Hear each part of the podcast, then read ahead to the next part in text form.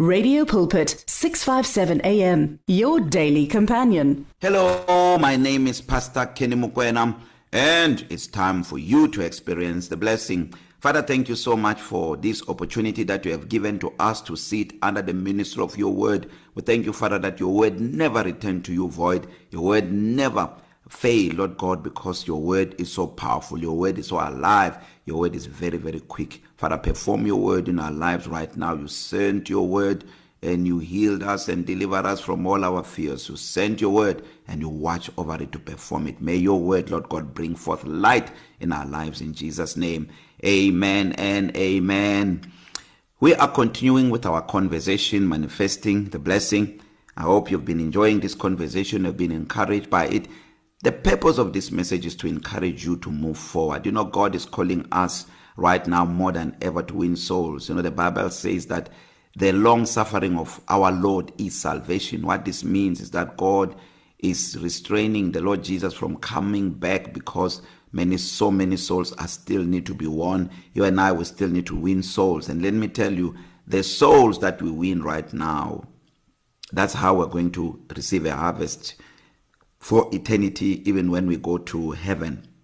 And this is important for us to understand that how we are going to spend eternity depends on how we spend this life. Revelations 22 verse 12 Jesus says, "Behold, I'm coming quickly, and my reward is with me to give to everyone according to their work." So this is why I'm encouraging you with this message to say This is the time to arise. This is the time to arise. Don't let circumstances keep you down. Don't let circumstances stop you from winning souls. And I feel so strong that this message is for men and women of God that God has called for such a time as this that are contending with so much opposition, so much resistance, so much you know difficulties especially pastors that are in the rural areas, pastors that are in the townships, you know, where people are not giving their tithes, they're struggling to keep up with the cost for for for for running the church and and and so on. I want to encourage you men of God. I want to encourage you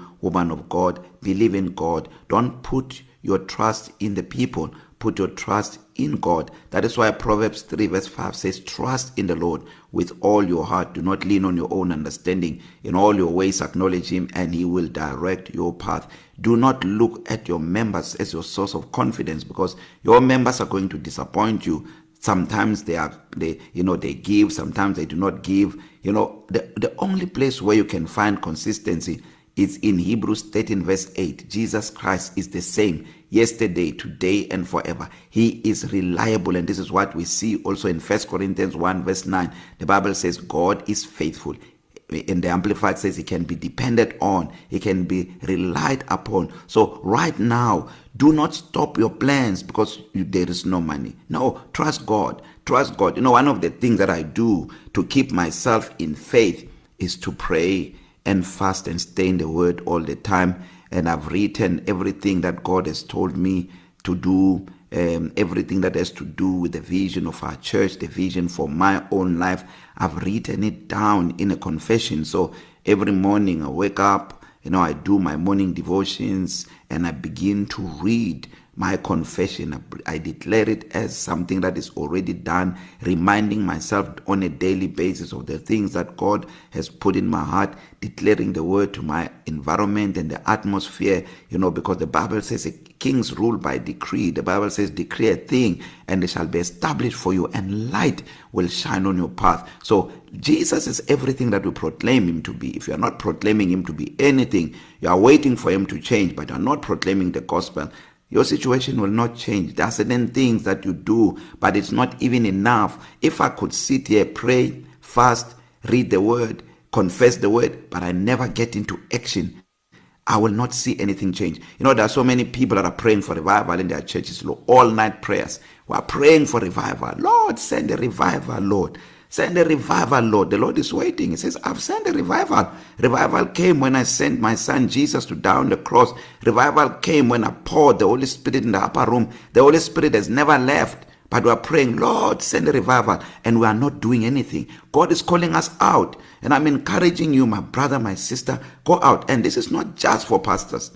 Uh, when you look at the great commission especially the Mark's account when you look at verse 17 uh, uh, um, actually from verse 16 verse 16 says this gospel of the kingdom shall be preached for a witness. That word for a witness can also be interpreted for a demonstration and then the end shall come. It says this gospel of the kingdom shall be preached for a demonstration and then the end shall come. And then he says in verse 16 in verse 17 these signs shall follow them that believe. He says in my name you shall cast out devils. You shall uh, uh, take up serpents. You shall speak with other tongues. If you drink anything deadly it will not harm you. And then it says you the believer you who believe you shall lay hands on the sick and the sick shall recover. So when you are born again and you have faith God has commissioned you to go and preach the gospel.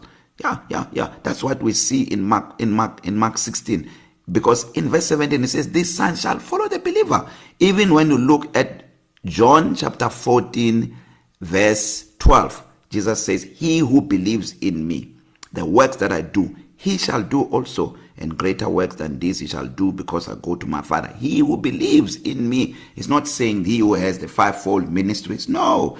We have you know under the new covenant he has given some apostles some evangelists some prophets some pastors some teachers you know the way i interpret this the way i, I interpret this you know a lot of people are interpreting this to say in a crowd god has selected some like that. No me i see it as god having divided the crowd as groups. So if he come into a room and he finds so many people he will not select out of the group some who are apostles some who are prophets some who are evangelists some who are teachers and some pastors and then he says the rest of you you can go. No. He comes into the room he divides everyone. That is why the scripture says that many are called.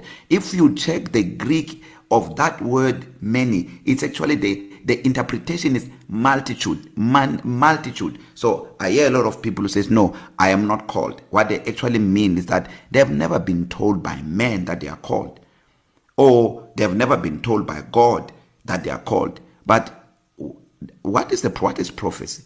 The bible tells us that the word of god is the sure word of prophecy. And i'm prophesying to you right now. I'm telling you you are called. If you are listening to this under the sound of my voice you are called. If you have faith you are called. If you have accepted Jesus as Lord of your life you are called. That is why if you look at also uh, uh, Ephesians chapter 4 the scripture where where, where the Bible show us the the the the, the fivefold ministries.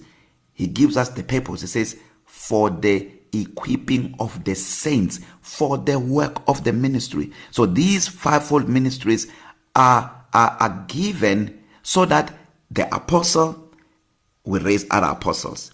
The evangelist will raise other evangelists. The prophet will raise other prophets. The teacher will raise other teachers. The prophets will raise other no the, the pastors will raise other other pastors. That's why it says for the equipping of the saints for the work of the ministry for the edification of the body. And it says and then it begins to give stages of growth. It ends up by saying that till we all till we all come to the unity of the faith and to the fullness of the stature or the measure of the stature of Christ meaning we become mature as believers all of us. So i'm saying to you today don't find yourself discouraged where you are and say no um uh, i'm waiting for things to change. When the things have changed then i'm going to do 1 2 3 if you are doing like that you are not different to the world.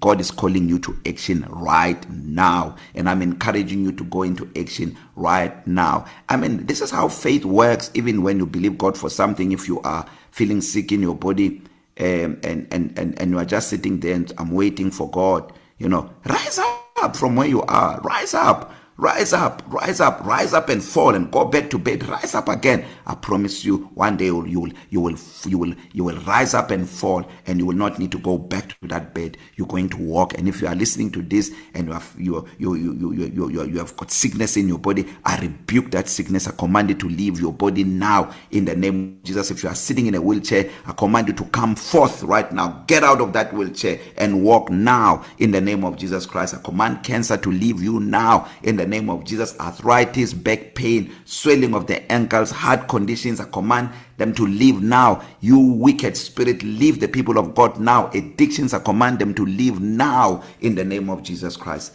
I call you healed right now. I declare you healed right now. I declare that by the stripes of Jesus Christ you were healed and were made whole. HIV leave now in the name of Jesus. Whatever condition it is, blind eyes, I command you to open right now. Deaf ears, open right now in the name of Jesus Christ. People that are paralyzed, stretch that hand and begin to move that hand. Do what you couldn't do before. Move those fingers and you will see that you are healed in the name of Jesus Christ of Nazareth. So, in this message, I'm using Isaiah 60, verse 1. It says, Arise and shine, for your light has come. The glory of the Lord is risen upon you. Believe right now that the glory of the Lord is risen upon you. If you look at the order of this verse, it starts by saying, Arise. Because before you can shine you have to arise. When you arise that light which is Jesus Christ will begin to shine upon your life. Arise shine. And then it says for your light has come.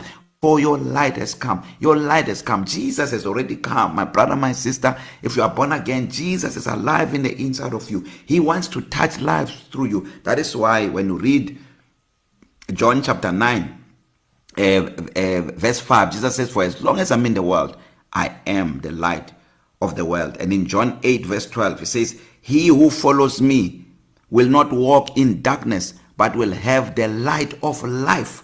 Will have the light of life. In him was life, and the life was the light of men.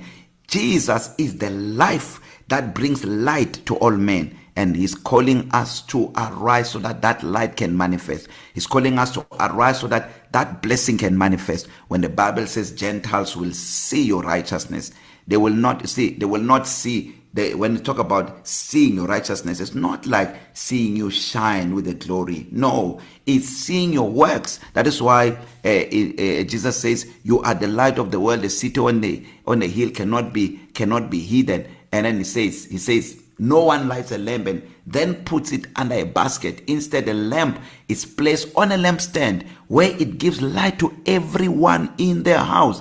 And then it says, In the same way, let your light so shine among men that they may see, that they may see your good works and give praise to your heavenly Father. And this is what I'm saying manifest the blessing by manifesting Christ. Acts 10 38 declares how God anointed Jesus Christ of Nazareth with the Holy Spirit and with power, who went about doing good and healing all those who were oppressed of the devil because God was with him. And when we manifest the light, we manifest Christ. We manifest Christ by doing what he did. He went about doing good. He never overlooked anyone. Not even one person came to him with a need and they returned back with a need. No, Jesus healed everyone he came into contact with. The only time where some people were not healed was in Matthew chapter 13 where the Bible tells us that they they he went into his hometown and they did not receive him. Their hearts were so were so hard. Even though the power to heal was present but he just healed a few people. He could not heal them. Why? Because their unbelief restrained him. Today i want to tell you this. Move forward.